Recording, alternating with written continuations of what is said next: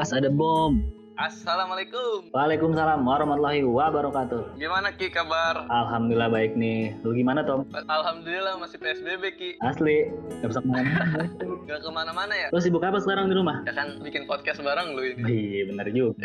Tapi gue udah sebel banget Tom berapa hari ini. Kenapa tuh? Jadi kan kita emang di rumah doang ya. Pasti ada Iya. suatu kegiatan yang lu tungguin atau suatu momen yang lu tungguin lah. Di gue nih gue lagi nungguin banget namanya uh, anime dari Jepang. Itu One Piece. Wah iya tuh One Piece ya. Pasti suka lah orang-orang juga nonton One Piece. Gue nungguin tuh udah dua minggu, hari Minggu kan di update-nya. Mm-mm. Tapi nggak update-update. Gue tanya, gue cari tahu tuh di internet. Ternyata di Jepang itu gara-gara COVID-19 berpengaruh juga sama industri anime itu. Cuman di Indonesia gue nggak tahu ngaruh apa nggak deh. Iya, gue kira industri anim tuh nggak ngaruh gara-gara COVID-19 ini. Gue pikir gitu ya ke Indonesia lah. Bilang PSBB, PSBB nyatanya masih banyak kok orang yang keluar rumah. PSBB di Indonesia naik motornya masih ada yang bertiga Ki. Gangster kayaknya tuh. eh ngomong-ngomong Ki, kan waktu itu gue juga udah sempat bilang nih kalau kita bakal ngundang tamu dari temen-temen kita yang lagi di luar negeri nih. Gimana? Kebetulan kan topiknya tadi barusan lu masuk tentang anim tuh. Hmm, gimana? Iya, kita ngundang teman kita yang lagi di Australia. Oh di Australia ya? Iya, Jadi gimana? Jangan di Australia sibuk apa tuh? sibuk ngurusin anim Ki di Australia. Oke, mungkin biar eh, nggak penasaran langsung kita telepon aja kali ya. Mm-mm, tunggu nih, Ki. kita ajak dia masuk. Ceng, halo. Belum nyambung Ki. Assalamualaikum. Assalamualaikum.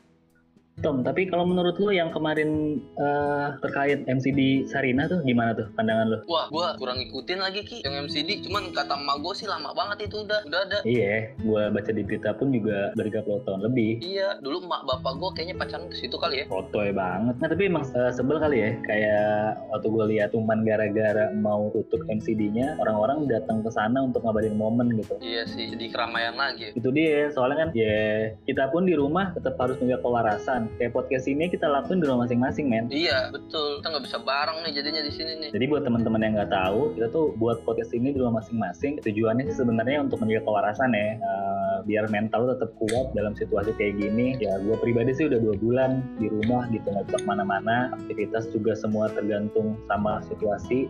Karena kebetulan gue di industri eh, event gitu, udah otom- otomatis ketika ada eh, wabah kayak gini atau pandemi kayak gitu udah pasti. Halo, halo. Berasa. Oh udah nyambung nih. Waalaikumsalam. Maaf. Tapi Soli ya? Enggak tadi lagi baru pulang kerja soal gitu. Ini udah mulai nih podcastnya. Udah, Oh, udah, udah Ceng. Udah, maaf, maaf. udah. Gak apa-apa, tadi lu disconnect ya. Iya, sorry, sorry. Nah, ini buat yang ngedengerin, kita udah masuk nih ke temen kita yang lagi di luar. Di luar mana sih, Ki? Di luar Jomblo dugaan lah, luar dugaan pokoknya. Lu gimana? Oke. Pada sehat-sehat aja di sana? Alhamdulillah. Alhamdulillah. Rafli, Iya. nggak apa-apa ya? Iya, Nama ya? iya udahlah.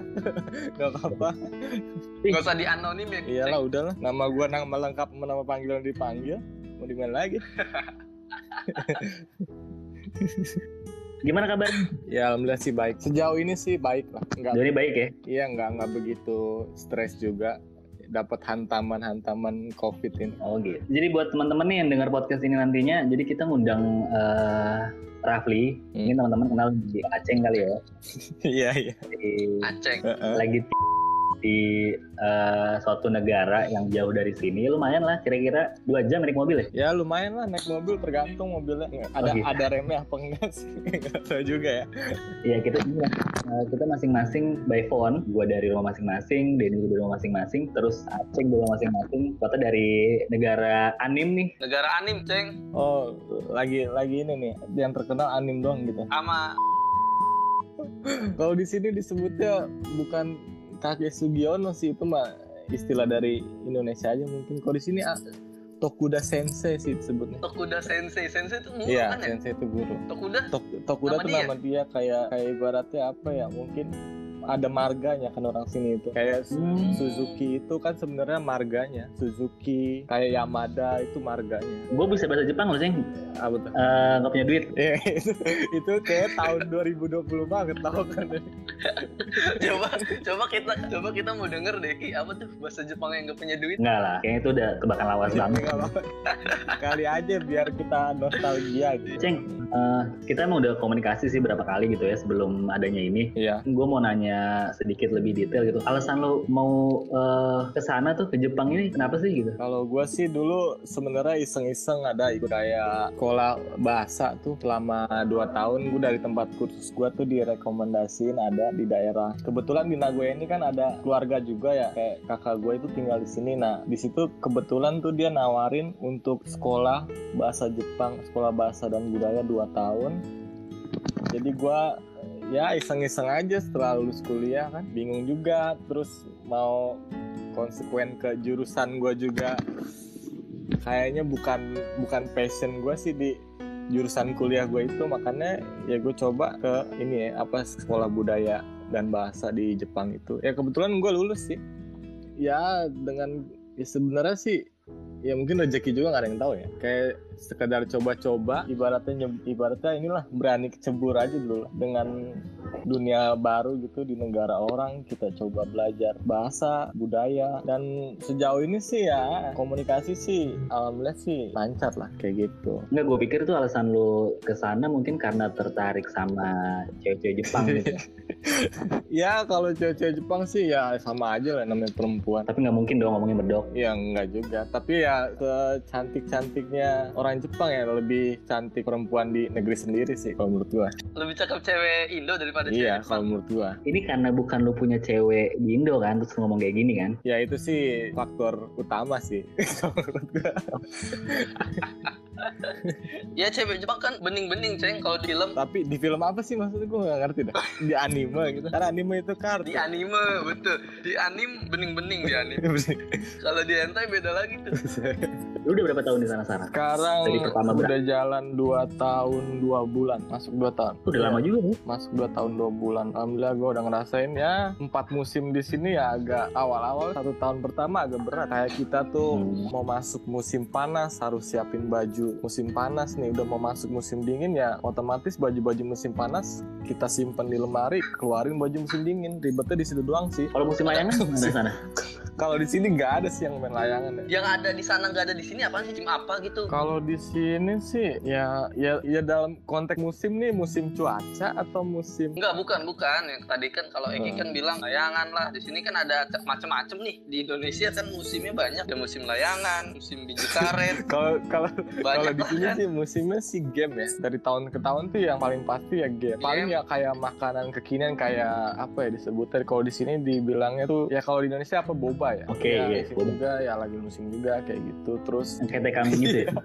ya agak mirip-mirip lah kan teh kambing agak lonjong kalau boba kan agak bulat Tapi gini, eh, setelah lu dua tahun di sana gitu, terus melihat kurang lebihnya lu tau lah budaya di Jepang itu gimana. Terus, eh, lu menyesuaikan dengan budaya di Indonesia sama Jepang tuh bisa awalnya sih gue kayak pertama kan orang Jepang itu yang paling dilihat tuh kita on time apa enggaknya. Nah awal-awal Hmm, tuh gue susah banget tuh buat nyesuaiin waktu kayak sekolah sama berhubung gue kan sekolah sama kerja juga. Tahun pertama tuh gue part time di salah satu restoran juga di ya inilah Mac, McDonald gitu. Gue part time di situ. Nggak apa-apa, kita bebas nyebutin merek karena kita Iya nggak sih. disponsorin deh. Kan tapi Mac, McDonald kalau nggak salah lagi heboh kan yang di Sarina itu. Iya kalau ngomongin McDonald juga pas di Indonesia kemarin tuh eh, di Sarinah itu emang jadi kan di Indonesia lagi eh, pandemi 19 lah maksudnya sama lah di Jepang juga kayak gitu kita nggak tahu kan gimana keadaan di sana Heeh. di sana. Keadaan di sini ya kita menerapkan PSBB kan dari pemerintah Indonesia.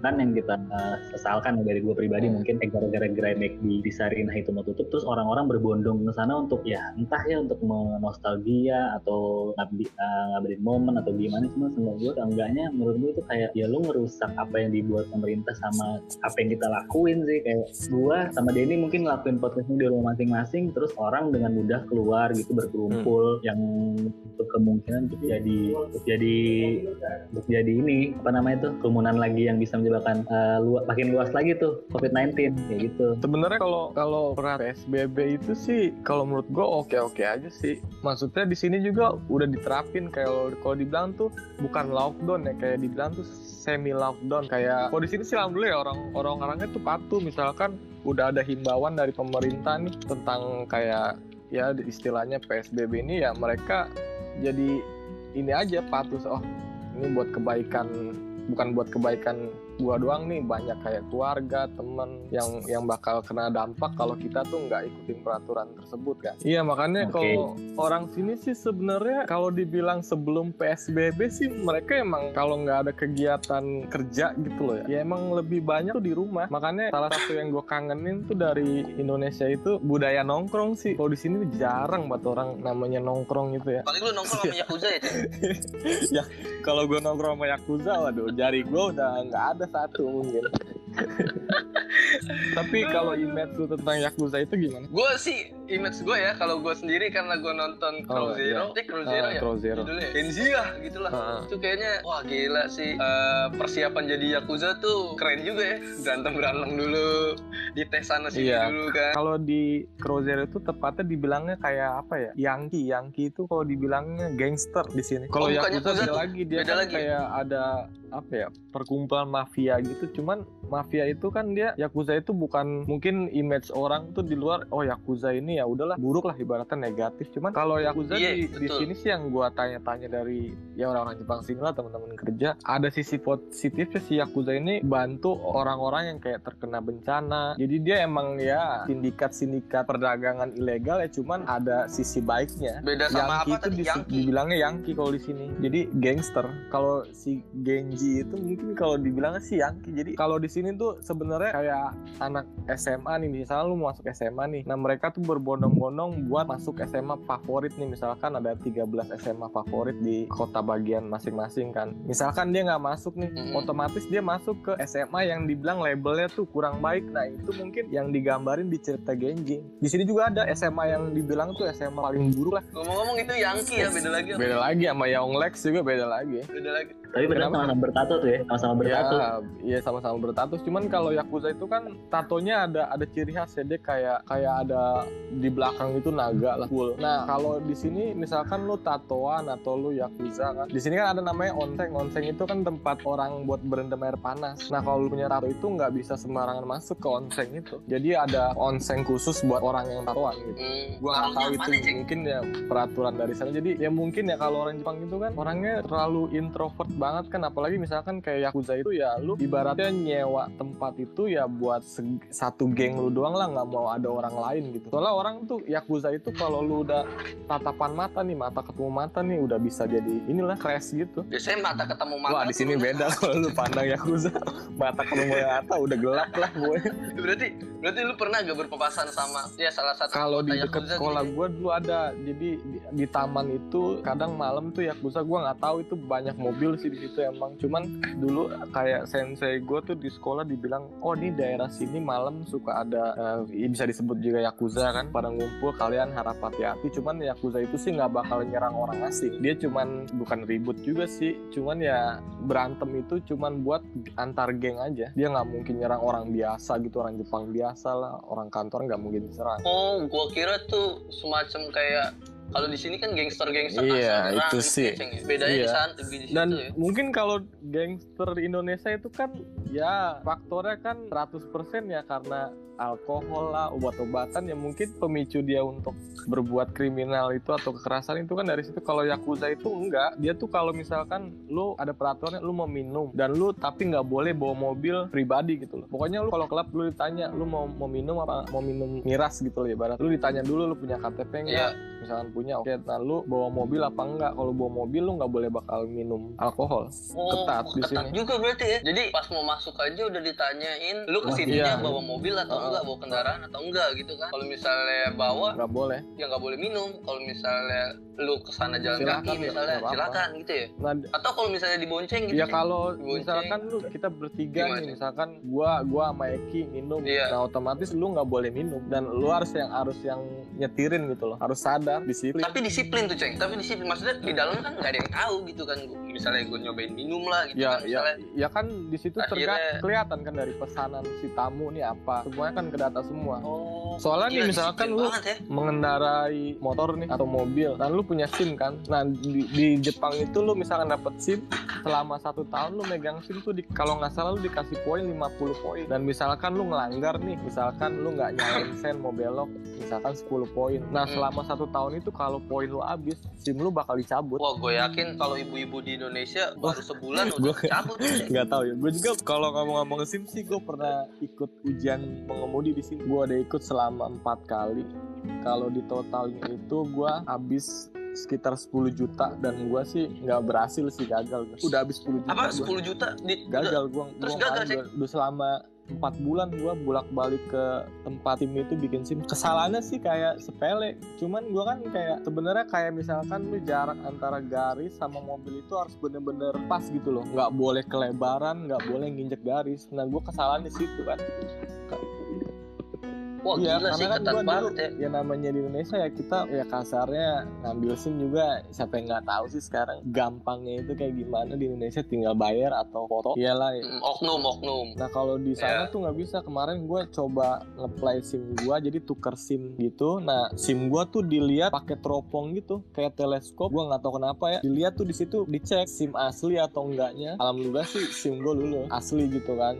Cuman ujiannya ini yang gue Hmm. gagal. Iya terus Ujiannya yang gagal. Tapi kalau SIM Kalau SIM internasional sih? internasional tergantung negaranya. Kalau yang bisa, kalau Oh, yang Jepang, bisa itu kayak Amerika bisa, Cina udah internasional. Kalau Jepang sekitar 300 negara dia bebas. Misalkan lu udah punya SIM Jepang, nah lu bisa Hmm. misalkan ke Amerika lu tinggal tuker aja SIM Dan gua tanya Indonesia belum ada ya SIM internasional. Wah, belum ada kata dia. Belum bisa Indonesia jadi SIM internasional. Iya. Oke, oke, paham, paham. Pokoknya gua pas ujian SIM itu ngerasain jadi di film SpongeBob tuh groginya SpongeBob kan berulang kali dia nggak bakal dapet SIM ya gue ngerasain tuh kayak gitu tuh soalnya kita nggak nggak boleh bener-bener lu pokoknya satu kesalahan misalkan lu nggak eh, lampu merah itu lu ngelewatin garis aja udah lu gagal langsung balik lagi ke awal nggak sampai finish nunggu lagi sebulan nunggu waktu ujiannya ketat Berarti emang banget prosesnya di sana tuh emang ketat ya? gue agak sedikit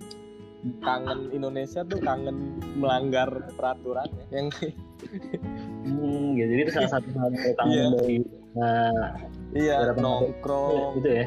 kangen melanggar peraturan kangen tukang dagang yang suka lewat misalkan agak siangan dikit ada tukang mie ayam maleman dikit ada tukang sate di sini enggak kalau lu mau makan ya lu harus ke supermarket atau ke restoran Oh gitu. Nggak Jadi emang ada. di situ nggak ada orang dagang lu kalau mau lewat gitu ya. dagang di sini harus dapat lisensi dari Menteri Kesehatan Pangan gitulah. Iya, dan lu kalau Oh, punya berat restoran juga ya. itu minimal satu tahun itu tiga kali ada kayak dari Menteri Kesehatan ngecek ke restoran lu. Yang dicek pertama dapur, kebersihannya. Kalau lu gagal bisa jadi eh, restoran itu ditutup. Banyak Banyak peraturan konsekuensi sini. juga ya.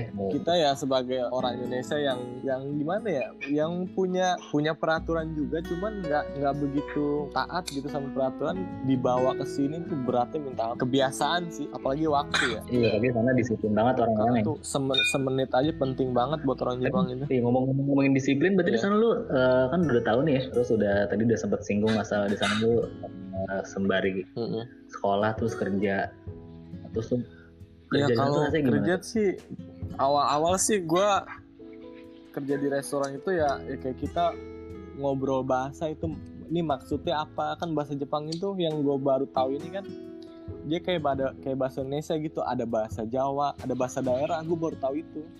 Dan gue tuh di sekolah nggak belajar bahasa daerah.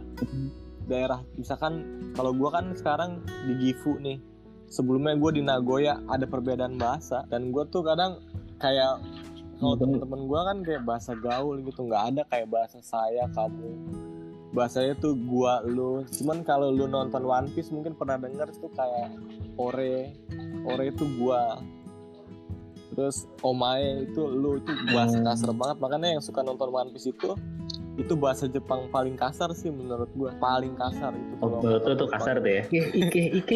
Nah, itu gimana tuh? kalau ike ike gitu apa ya? Ike mungkin kalau kalau menurut penalaran gue tuh dari kata tuh ikimas ikimas itu kayak pergi atau lu lakukan kalau bahasa Inggrisnya duit gitu. Terus mungkin yang kalau dibilang eh, image orang-orang Indonesia gitu kayak kimochi gitu kan. Lagi lagi gitu lagi lagi. Ibaratnya ike ike Udah, udah, lagi, ayo ayo lagi. ayo gitu. Kalau menurut gua penafsirannya. Kalau kimochi itu kan ada kalau kimochi itu bahasa universalnya tuh perasaan. Mungkin yang di sering lu tonton tuh di video-video itulah pokoknya. Oh, iya video Jadi komedi kalau pokoknya video-video itu mungkin kim- jadi kimochi i kim, kalau i itu artinya baik iya kimochi I. i, I, artinya I-nya baik gitu. kalau di abjad itu i-nya dua ada dua gitu kalau itu baik kalau kalau nggak baik itu yokunai Hmm, berarti emang Iya. kayak kayak Kimochi itu baik ya. film itu mungkin dia ngerasa perasaannya tuh. Nano-nano lah pokoknya. Ceng tapi gue pengen nanya perasaan lu nih kan udah dua tahun ya gitu di sana. Terus sekarang lu juga udah tinggal sendiri Iya. gitu kan. Apa-apa ngelakuin sendiri. Tapi lu eh, sedih gak sih? Atau kesepian sebenarnya atau gimana gitu? gua ya ya balik lagi ya kayak di Indonesia itu kan kayak kita misalkan salah satu yang bikin inget itu kayak kan tiap misalkan dari subuh sampai isya itu kan kita denger azan tuh. Nah salah satu yang gue kangen itu setiap kadang Iya. wah gila nih gue bangun tidur nggak ada suara ibaratnya nggak denger azan tuh sehari kayak ada yang gimana gitu ngerasain itu doang sih Azan doang ya, sholatnya enggak ya? kalau gue di sini ke masjid itu mesti naik kereta jauh banget setengah jam Terus gini nih, eh, kan sepengetahuan gua nih, kan pasti punya kehidupan eh, kehidupan yang gimana ya? Lu di sini kan Iya, punya ada. pacar lah ya. Terus lu jalanin hubungan sama pacar lu gimana, Ceng? Ya, gue LDR LDR udah dua lagi. tahun sebelum corona ini gue udah PSBB gue sama cewek gue. kan PSBB itu kan betulin. peraturan sementara bangsat tuh? banget kan. Tapi kalau kalau kalau menurut lu tuh PSBB itu ya kayak ada sisi positif, sisi negatifnya ada nggak sih? Ya, menurut lu tuh berdua itu selama ngerasain PSBB di sana? Iya. Mungkin dari pentem dulu kali, terjawab. Gua gua lebih ngerasa Iya, boring boringnya aja. kita ya sebenarnya sih mungkin mental ya yang diserang itu ya. Iya, iya parah sih. Kalau sisi positifnya apa ya? Eh mungkin ya jelas ya kalau misalnya sisi positifnya dari segi penyebaran virus, Iya. misalnya kan kayak gitu. Eh, ya mungkin mungkin berpengaruh besar kali gitu ya. Cuman kalau di lingkungan rumah gue sendiri pun nggak menerapkan itu gitu. Banyak banget yang masih naik motor berdua segala macem lah. Tapi jadi jadi gue ngeliatnya kayak ah lebih banyak bikin gue boring ya sih. Cuman ya kita lakuin lah Iyalah. untuk support pemerintah anjay. Kalau menurut gua nih ya, menurut gua karena Iya. udah jalan dua bulan lebih kali ya PSBB ya. Maksud sejak ada pandemi ini udah jalan dua bulan gitu. Terus emang eh, secara gua nggak ke mana-mana di rumah, apa pun dilakukan secara daring, secara online ya kan. Terus ya mungkin ada beberapa Iya. orang yang nggak bisa ngerasain work from home gitu kan. Tapi masih maklumin hal itu yang dia harus masih bertemu di lapangan atau segala macam. Buruk baiknya kebijakan pemerintah, ya mau nggak mau kita harus turutin gitu kan. Betul. Cuman di sisi lainnya ada beberapa hal yang di sini banyak yang dilanggar, sedangkan kita yang benar-benar melakukan PSBB itu yang nggak mana-mana, yang di rumah aja, sampai mungkin lu bingung hari ini mau hari ini udah ngapain banyak hal, tiba-tiba besok mau bingung ngapain lagi gitu kan, jadi bingung sendiri. Terus tiba-tiba lihat orang keluar rumah dengan gampangnya gitu, terus ya kayak udah nggak ngerasa ada pandemi ini gitu. Jadi kayak gue sedih aja sih kita yang di rumah gitu yang bela-belain untuk berjuang untuk supaya pandemi ini cepet kelar, malah banyak ini orang kayak udah nggak berasa PSBB sekarang biasa aja gitu jadinya kayak udah ya gimana orang juga mudik jadi boleh kan sekarang? Eh, sorry bukan Iya mudik ya penerbangan udah dibolehin lagi. Kebijakan-kebijakan pemerintah yang menurut gua eh, timpang tindih gitu. Disalahartikan banyak banyak orang. Ya jadi kita ngomongin politik ya? Jadi, jadi Iya. Sebenarnya menurut gua Ya, sebenarnya lakuin aja yang sih- lo mau kalau menurut gue ya Anjir, lebih ya. baik 10 orang ngomong politik dibanding 1000 orang cuma ngomong gosip doang iya kalau kalau menurut gue Gila. Betul. Sekarang Betul, kan- betul, betul. kayak dibilangnya net netizen plus 62 itu kan terkenal banget kan misalkan ada satu orang kreator lah konten gitu nah ini apa sih sebenarnya orang nggak nggak nonton kontennya itu dia cuma baca tuh komennya aja siapa yang dulu duluan jadi top komen kayak body shaming kayak gitu-gitu Iya. kan sebenarnya udah kalau yang gua ambil sih dari dari Indonesia itu sama perbedaan Jepang itu kalau negara Indonesia itu ya maksudnya ya mungkin yang gua rasain ya kalau negara kita tuh nggak nggak apa ya nggak ada budaya tuh buat memuji orang gitu. Kalau di sini tuh wah lu ibaratnya lu cuman ngomong bahasa Jepang yang ya ibaratnya masih terbata-bata lu dipuji wah keren lu ya bisa bahasa Jepang padahal ba- Berarti tingkat wah tinggi tinggi banget. tingkat apresiasi Makanya orang di sana yang tuh tinggi juga ya. salutin sih kayak gitu. Jadi nggak ada kata nggak bisa kalau di sini tuh. Nggak ada orang bodoh atau orang pintar tuh di sini nggak ada. Cuman yang ada tuh kalau lu mau bisa ya lu harus ngelakuin itu berulang-ulang ibaratnya lu harus tekun lah sama sesuatu itu ke orang sini Nah, berarti kan kayak tadi eh, nyambung nih, Iya. kayak yang gue bilang ya kita emang anak muda harus ngomongin politik gitu kan, setengahnya melek politik. Nah kan lu udah dua tahun di sana, terus lu melihat Yang- kebijakan pemerintahan di Jepang Ah. itu gimana sih? Dari lu biasa ngelanggar nih gitu kan, ya terus kalau harus gue disiplin di sana, gimana? kayak ya emang peraturan ya balik lagi ya kalau emang dari kesadaran masyarakat tinggi tentang peraturan sih ya kalau menurut gua ya negara itu bakal maju sih cuman kalau dari kesadaran masyarakatnya kurang gitu negara mah tetap bisa berkembang itu siapa pun negara tuh bisa berkembang. Cuman kan yang negara maju itu kalau di, bisa dibilang tuh ya nggak begitu banyak gitu loh di Asia ini kan. Iya cuman kalau sisi negatifnya itu kita kayak ngerasain ya namanya juga manusia kan ya ya ada salahnya ibaratnya hilaf lah ngelaku, ngelanggar peraturan itu. Kayak nggak ada toleransi di sini. Walaupun masyarakat di sini nggak punya kepercayaan kayak tanda kutip tuh agama tuh mereka nggak ada. Tapi yang gue salutin walaupun nggak ada agama tapi dia taat sama peraturan. Yang gue salutin sih itu. Kalau di sini ada agama tapi ya mungkin itu ya sebagian Gimana? besar orang Indonesia kan.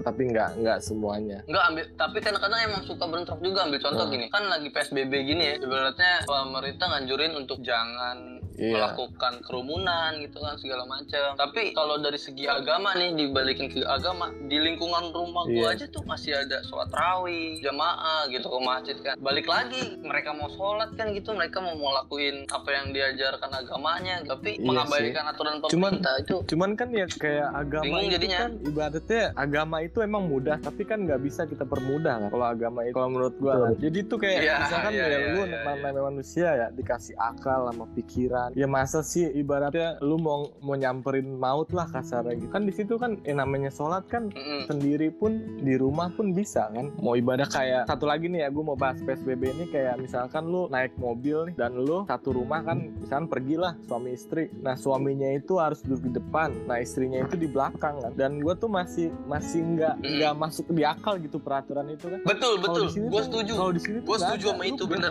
Mau naik Setuju mobil, banget. Yang penting lu ini aja ya safety buat diri sendiri kayak masker, hand sanitizer, cuci tangan, kumur-kumur. Iya. Kalau di sini tuh pasti setiap siang itu kayak ada pengumuman di handphone, di kayak kantor pemerintahan tuh kayak di speaker itu bilang jangan lupa cuci tangan, kumur-kumur kayak gitu pakai masker. Iya, iya, iya. Dan sekarang kalau misalkan lu suami istri nih ya duduk di depan, istrinya di belakang, tetap aja dong pulang nyampur lagi kan namanya tidur bareng. Iya betul ceng, gua makanya gua kemarin concern banget tuh di, di bagian situ gitu loh kayak eh, satu keluarga. Terus ini udah tahu satu keluarga ya, otomatis kan mereka berangkatnya dari rumah nih, ya nggak sih? Logikanya tuh mereka berangkat dari rumah dan di rumah pun mereka deket-deketan gitu, nggak ada physical distancing lah kalau di rumah ibaratnya gitu ya, entah suami Iya. sama istri sama anaknya segala macam kan gitu. Terus giliran jalan ke rumah naik mobil bareng-bareng, Makanya itu gua tapi disuruh jaga jarak nggak nggak ngertinya tuh di situ. kan sama aja iya maksudnya oke oke misalnya kalau misal kalau misalnya itu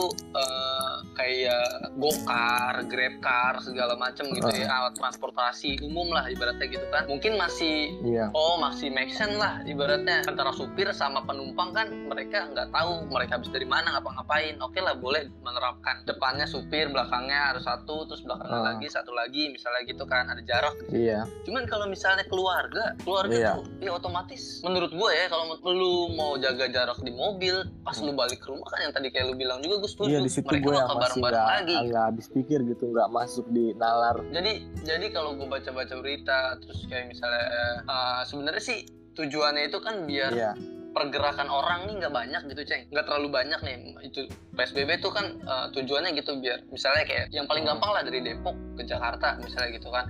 Lu yang biasanya misalnya biasanya berlima gitu kan ntar Iya. di mobil cuman eh biasanya di mobil bertujuh jadi cuman berempat atau enggak lu biasanya naik motor ke Jakarta berdua gitu kan sama temen lu lah segala macam ini jadi sendiri doang gitu loh. Ya, kayak gitu sih cuman untuk lebih detailnya sih yang gue Iya suka nggak tuh nggak detailnya make sense aja sama sama peraturan. kurang Yang mana Iya. lockdown, yang mana psbb, yang mana karantina, kita kan nggak tahu. Mm-mm. Iya. Padahal yang pertama kali kalau yang salah di yang Depok bilang tuh beritanya itu Ya kan? dia habis ketemu orang Jepang dansa ya kalau menurut gue sih iya ceng itu gimana ya ceng kita nggak nggak bisa nyalain orang ya mungkin kalau virus itu kan awal awal masuknya itu kalau di dibilang di sini tuh yang pertama rawan masuknya virus tuh pertama bandara sama pelabuhan. Makanya awal virus corona itu di sini tuh datangnya tuh dari namanya nama kapal pesiaran tuh Diamond Princess. Itu kalau iya dari Yokohama. Nah itu gua nggak tahu itu gimana virus itu menyebar. Pokoknya jadi eh, kapal pesiar itu parkir ceritanya di kalau nggak salah di daerah Yokohama dan itu yang kena nenek-nenek gitu. Dan itu kan namanya virus baru ya.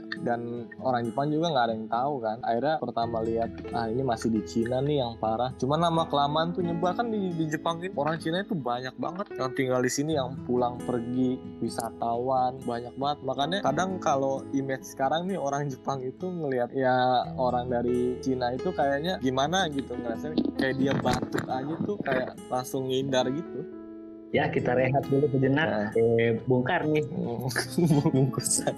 bungkusan. Tapi emang topik ini emang lagi eh, seru banget sih buat dibahas ya. Iya. Di podcast ini kan di sini kita bukan mau coba untuk ngasih pandangan terus lo harus ikutin atau enggak, terus lo mau ngasih pendapat lo mau ikutin apa enggak, lo ya lakuin aja yang lo mau Iya. gitu. Ini kita di sini cuma eh, sharing, ten- eh, sharing gimana kalau kesah kita gitu Iya. kan, tanpa ada unsur apa-apa nih buat temen-temen yang dengerin. Sebenarnya emang itu kalau kesah kita pribadi masing-masing. Karena waktu udah terlalu lama ya menurut gue ya. Mm-mm. Gue masih banyak banget nih yang yang pengen banget dibahas gitu loh. Apalagi terutama sama eh, terutama sama kehidupan sosial lu di sana Oh, gitu. Ceng. banyak banget sebenarnya. Gue kalau gimana kalau kalau bikin kita bikin dua part nih. Boleh boleh. Kita bikin dua part jadi eh, nanti habis ini kita teleponan lagi ya kan kita masih banyak bahasan yang belum kita bahas karena kita ya intinya kita bilang dari awal kita mau coba untuk menjaga kewarasan kita aja. Mungkin part nanya. selanjutnya itu yang pengen dibicarain tuh kayak kejadian unik atau kejadian aneh yang di Indonesia tuh nggak ada gitu. Iya, iya betul betul. Hmm. Gue udah nyatat sih tuh yang kayak gitu pertanyaan Kayak seru. itu. Tapi sebelumnya thank you banget ya, Iya sama-sama gue juga thank you. Thank you, Ceng. Ntar habis ini kita lanjut lagi buat teman-teman nih yang masih penasaran ngapain aja sih Aceng di sana gitu. Padahal sebenarnya kita tahu loh kehidupan Aceng waktu di kampus tuh gimana ya kan. Di part Jangan 2 asal lu doang kita ya. Bahas. mungkin di part 2 tuh kejadian unik, kejadian aneh sama apa tuh kayak perbuatan dosa yang pernah kita buat selama kuliah itu mungkin seru kali ya. Eh, terima kasih udah dengerin podcast kita. Ya, terima kasih. Eh, gue Eki pamit undur handphone. Cih, karena kita dari handphone masing-masing nih. Stay terus di ngobrol obrolan, ngobrol santai. Iya, tetap sehat dan ngidul. fokus Yang saja. Penting ngobrol.